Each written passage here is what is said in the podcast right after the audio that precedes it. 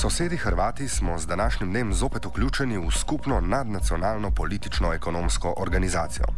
O polnoči je Hrvaška postala 28. polnopravna članica Evropske unije. Slavje je bilo bučno, pa vendar ne euforično. Dolgo pričakovan moment, vsaj za verjetno manjšinski del prebivalstva, je napočil v trenutku, ko je Evropska unija že globoko potopljena v politiko sledenja interesom kapitala oziroma bolje rečeno kapitalistom.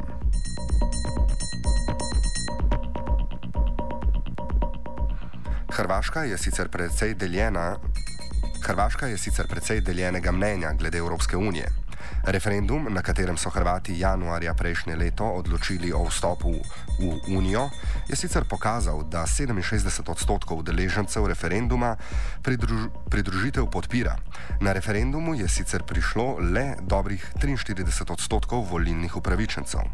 O razdeljenosti glede vstopa v EU govori hrvaški novinar Drago Hedel.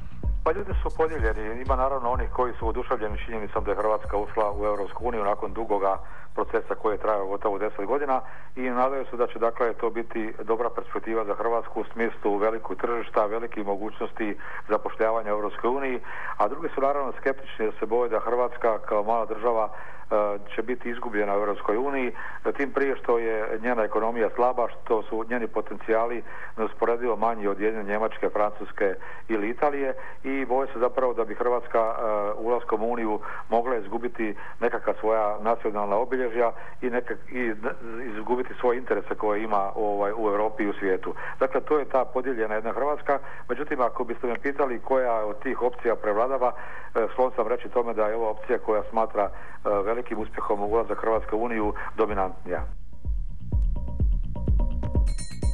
Hrvaška je vstopila v Evropsko unijo verjetno v najslabšem možnem času v njeni zgodovini. Brez vizij z vrčevalnimi ukrepi, izvajanimi s trdo avtokratsko držo, brez vpliva ljudstva. Hedla smo tako vprašali, ali se ljudje zavedajo, v kakšno unijo vstopajo.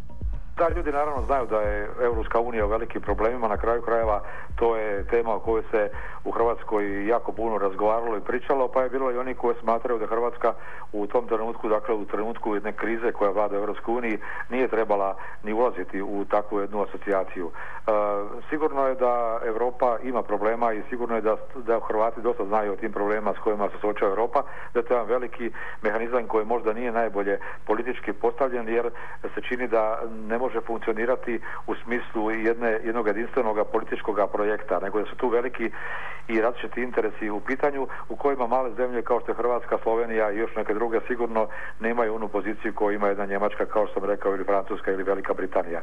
Dakle, e, sigurno da ljudi to znaju, da su i u, s te strane malo podozrivi i da se boje da e, nije možda, da je možda zlatno doba Europske unije koje je bilo prije recimo desetak ili 15 godina iza nas, ali ipak smatraju da bi Hrvatskoj bilo još teže ukoliko bi bila izvan takve jedne političke i ekonomske asocijacije. Imeti velikega drugega, ki ti diktira, je lahko tudi osvobajajoče. V primeru politikov je ukaz lahko pozitiven skozi dve gledišči. Prvo je to, da je ta enak njihovim prepričanjem, a jih zaradi drugačnega javnega mnenja ne smejo na glas izraziti. Drugi je seveda ta, pardon, Drugi je seveda ta, da se lahko zaradi lastne nesposobnosti, pomankanja angažmaja in ideje ob katastrofah vedno izgovorijo na višjo entiteto. Kaj pa hrvaška politična elita? Pa da, to može biti jedan izgovor. Naime, uvijek političari vole imati izgovor zašto nešto nisu uspjeli napraviti. Naravno da se onda može reći, evo, mi smo to htjeli, ali s obzirom na Brisel nismo to mogli napraviti. To je sigurno jedan od mogućih alivija koji, e, koji, za koje mogu posegnuti političari u Hrvatskoj, kao što to vjerojatno čine i u nekim drugim zemljama. Mada mislim da, da to neće zapravo ni biti ov, nekakav prevelika, prevelik prostor za to, zbog, zbog toga što e, ljudi očekuju da Hrvatska sama riješi svoje probleme. Ljudi su naime svjesni činjenice da nam ulaskom u Europu neće biti ništa bolje ako mi sami ne poradimo na tome da nam bude bolje.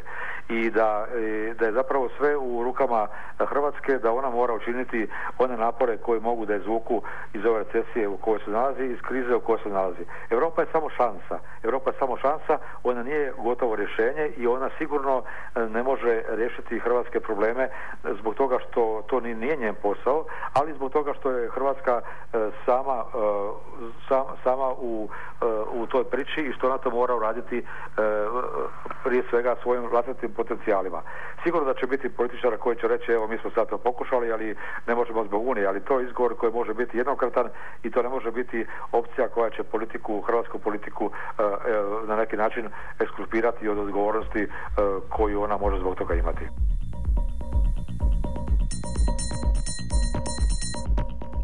Bosna in Hercegovina seveda ni imela nobenega vpliva na vstop Hrvaške v EU, vendar ta dogodek zadeva tudi to državo. Eden od ključnih problemov, ki jih ta prinaša, je trgovinska izmenjava med državama. Bosna in Hercegovina izvozi namreč velik del svojih, predvsem kmetijskih proizvodov na Hrvaško, s katero je imela do sedaj podpisan ugoden sporazum. To se sedaj spreminja. Najbolj negativen vpliv bo imela nova realnost na majhne kmete. O tem in tudi o pozitivnih učinkih novih carinskih dajatev smo govorili z ekonomskim analitikom Zbornice za zunanjo trgovino Bosne in Hercegovine Igorjem Gavranom. Kada je riječ o malim proizvođačima, na primjer kokoših jaja ili nekih proizvoda koji nemaju dugi rok trajnosti i koji će praktično već za nekoliko dana nestati sa hrvatskih polica. Problemi su zaista veliki i ono što Bosna i Hercegovina pokušava jeste da otvori alternativna tržišta u smislu olakšanog pristupa tržištima u CEFTI, Albanije, Crne Gore, Srbije, Kosova i drugi.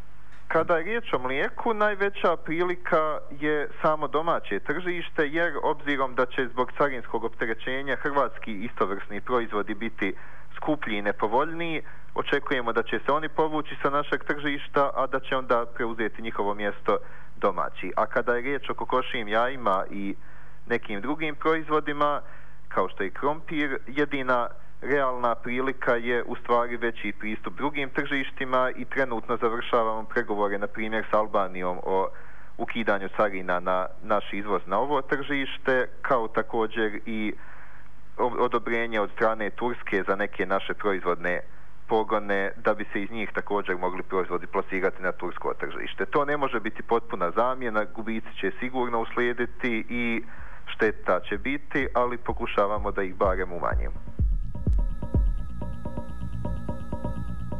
Za nastalo situacijo je odgovorna predvsem inerna politika Bosne in Hercegovine. Eden ključnih problemov je dejstvo, da so se z evropskimi uradniki uspeli izpogajati zgolj za dva mejna prehoda, namenjena za izvoz izdelkov. Več Gavran.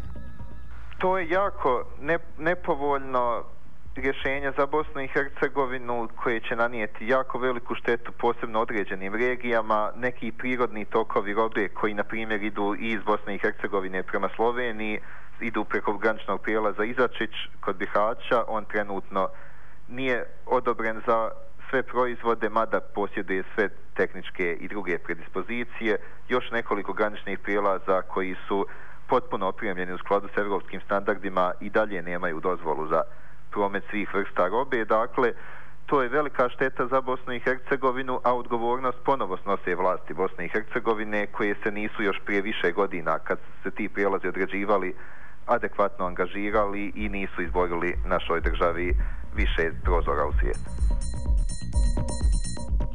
En od velikih pričakovanj Hrvatov ob vstopu je možnost iskanja zaposlitve v severnejših državah Evropske unije. Slovenija in še nekaj drugih držav je zakonom hrvaškim delavcem prepričila takojšnji vstop na slovenski trg delovne sile. Hedel o tem, kako so to sprejeli na Hrvaškem. Hrvatska je svjesna činjenica da u nekim zemljama Europske unije hrvatski radnici neće biti dobrodošli, odnosno da neće imati mogućnost zapošljavanja i to je na neki način razočaralo e, dio javnosti koji je smatrao da će Hrvatska dakle u Europskom uniju biti otvoreno i tržište rada. S obzirom da veliki broj zaposlenih u Hrvatskoj, to bi za mnoge koji traže posao bilo idealno rješenje. Ali to je sigurno smo jedan privremeni akt, jedna privremena odluka država Europske unije koji štite i svoja radna mjesta jer su u sličnim problemima. I nadaju se u Hrvatskoj da ukoliko ekonomija krene u Europskoj uniji dobro, dakle u onim zemljama koje su trenutno ograničene mogućnost Hrvatima da rade u e, njihovim državama, da će to biti privremena mjera koja će nestati u vrijeme kada bude e, kada budu bile bolje ekonomske prilike, kada završi recesija u onim zemljama u kojima još traje. Za konec pa si poslušajmo še odgovor filozofa in publicista Borisa Budna na vprašanje novinarja Aleksandra Stankoviča, ki ga je v svoji oddaji Nedeljom v dva vprašal, ali je heretično Hrvatom čestitati za vstop v Evropsko unijo. To je, e, to je dobro s, jedno, s jedne strane. To je dobro kao što je, evo, kad, kao prevodilac Freuda, to se zove kod Freuda real, realitetsprüfung, reality check ili provjera realnosti, suočenje s realnošću, suočenje sa stvarnošću. to, je, to je prvi korak k ozdravljenju, da tako kažemo. I tu će mnoge iluzije propasti. I tu će Dobro, ta cijela hrvatska nacionalna priča će se fino nasukati i, i, i strunuti na tim, na tim sprudovima globalnog, globalnog svijeta i globalnih izazova. Što je dobro, jel?